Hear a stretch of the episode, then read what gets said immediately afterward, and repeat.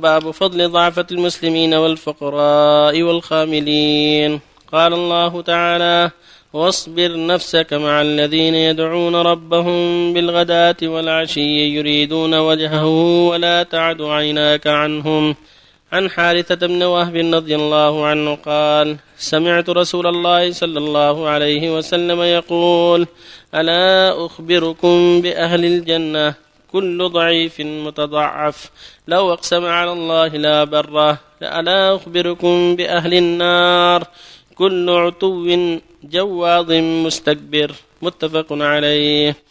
وعن أبي العباس سهل بن سعد الساعدي رضي الله عنه قال مر رجل على النبي صلى الله عليه وسلم فقال لرجل عنده جالس ما رأيك في هذا؟ فقال رجل من أشراف الناس هذا والله حري إن خطب أن ينكح وإن شفع أن يشفع. فسكت رسول الله صلى الله عليه وسلم.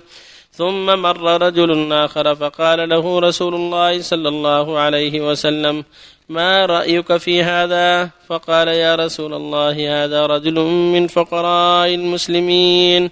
هذا حري إن خطب أن لا ينكح. وإن شفع لا يشفع. وإن قال أن لا يسمع لقوله. فقال رسول الله صلى الله عليه وسلم هذا خير من ملء الأرض مثل هذا. متفق عليه. وعن أبي سعيد الخدري رضي الله عنه عن النبي صلى الله عليه وسلم قال احتجت الجنة والنار فقالت النار في الجبارون والمتكبرون. وقالت الجنة في ضعفاء الناس ومساكينهم.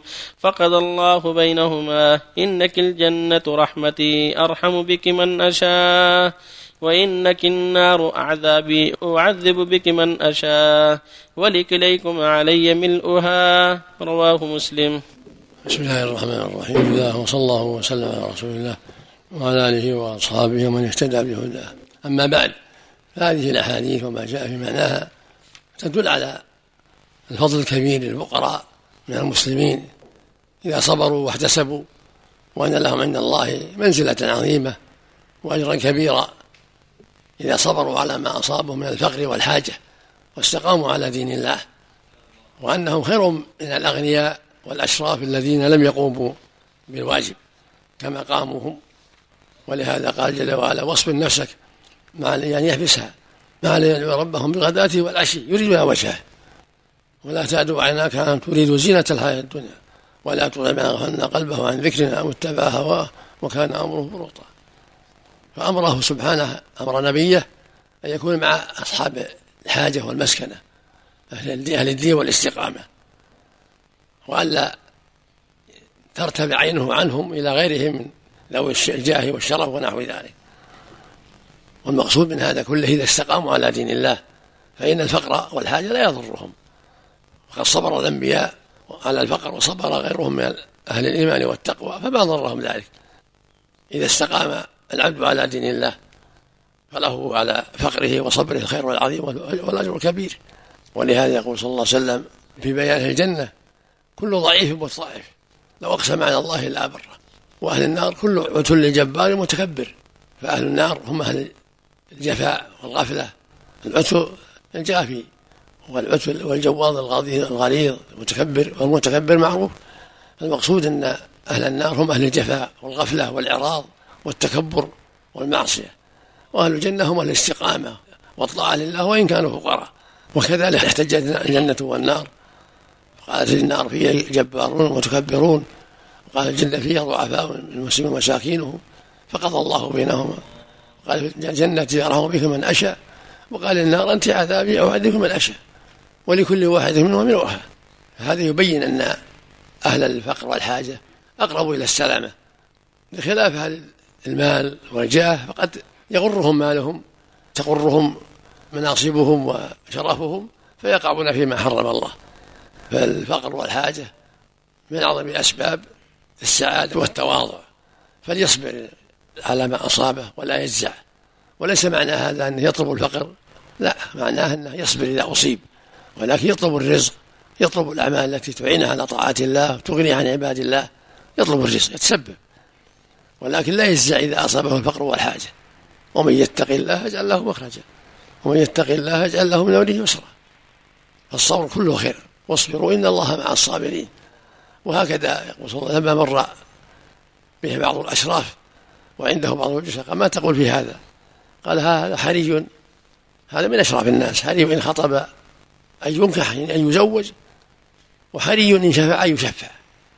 فسكت النبي صلى الله عليه وسلم. ثم مر آخر من فقراء المسلمين.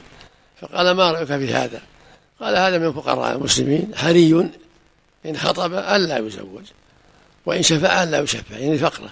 فقال النبي صلى الله عليه وسلم هذا خير من من الأرض مثل من ذاك. والأصل في هذا الاستقامة والتقوى. فالفقر لا يضرهم ولا يعيبهم إذا استقاموا على دين الله. وثبتوا على الحق فهم من أهل الجنة ومن أهل السعادة ومن أهل الشرف عند الله. وإن فاتهم المال وإن فاتهم الجاه وإن فاتتهم الوظائف الكبيرة فالله يعوضهم عن هذا بالرضا والكرامة والجنة. أما من رزق مع ذلك شرفا أو مالا أو وظائف واستقام على دين الله فله خير عظيم. إذا استقى فيها ربه واستقام على دين الله فلا تضره الأموال ولا الوظائف إذا استقام على دين الله بل تنفعه. قد يكون أفضل من كثير من الفقراء. إذا بذل ما أعطاه الله في وجوه الخير من المال والجاه ونحو ذلك.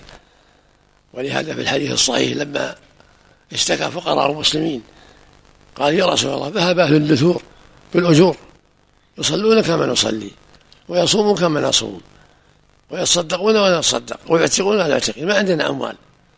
فقال صلى الله ألا أدلكم على شيء؟ تدركون به من سبقكم وتسبقون من بعدكم؟ ولا يكون أحد أفضل منكم إلا من صنع به ما صنعتم قالوا بلى يا رسول الله. قال تسبحون وتحمدون وتكبرون. دبر كل صلاة ثلاثة وثلاثين مرة. ففعل الفقراء. ثم جاءوا إلى النبي صلى الله عليه وسلم. فقالوا يا رسول الله سمع إخوان أهل الأموال ففعلوا مثلنا. صاروا يسبحون ويحمدون مثل ما قلت لنا. قال النبي ذلك فضل الله يؤتيه من يشاء. فدل على أن الغني إذا رزقه الله العمل الصالح وساهم في الخيرات واتقى ربه له منزلة عليا وفضل كبير بما فعل من الخير في ماله وجاهه وقد يسبق الفقراء بدرجات كثيرة إذا اتقى ربه في المال وفي الجاه وفي الشرف ونفع المسلمين لكن الفقر مصيبة والحاجة مصيبة فالواجب على من أصيب بها أن يصبر وأن يحتسب وأن يستقيم على أمر الله وله البشرى بما وعد الله به الفقراء الصابرين. وفق الله جميعا. الله عليك سمعت شيخ بارك الله فيك. يحصل من بعض التجار.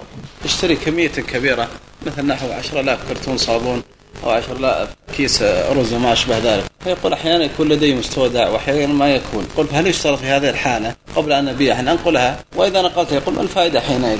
ما دام أني ببيعها ببيعها ما الفائدة؟ من إذا شق عليه النقل هم لزوم الشيء اللي يشق يعفى عنه. لعظمه وكثرته. يعفى عنه كاللنزل والأرض وقبضها التحلية أما إذا تيسر النقل فالنبي أمر بالنقل. نهى رسول الله أن تباع السلع حيث حتى يحوزها التجار إلى رحاله إذا تيسر حوزتها فليحوزوها. صلى الله عليك من قال إن أسباب الانحراف من أحسن الله عملك. لا تارة وتارة بسبب المال أكثر. الانحراف بسبب المال والشر أكثر. لاجل قدرته على المعاصي. الله الدنيا أربعة. اختلف الناس في هذا. أيهما أفضل الفقير والصابر أو الغني الشاكر على قولين. واصحهما ان الغني الشاكر افضل لأنه مع مع قدرته صبر واستقام. نعم؟ نعم. الله عليك. حديث الشيخ إنما الدنيا دي اربعه رجل أتاه الله مالا وعلما.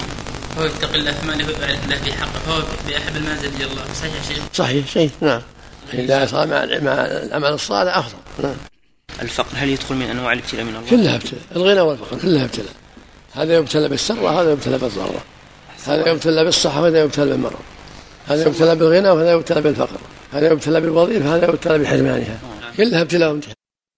أحسن الله عملك نقول ما هو مقياس أن مثلا أكثر الفقر يعني سبب الانحراف أحسن الله عملك لا لا غلط. أحسن الله عملك الغنى أكثر. أحسن الله عملك لأنهم أحيانا يعني يأخذون شماعة أحسن الله عمل يعني على أساس ما يحددون من الناس وكذا فيقولون أن هذا الفقر وكذا ويخوفون الناس. أحسن الله عملك نعم قد يحجره الفقر السرقة والخيانة لكن الغنى أكثر. الغنى يجر إلى شر كثير بسبب المال أحسن الله.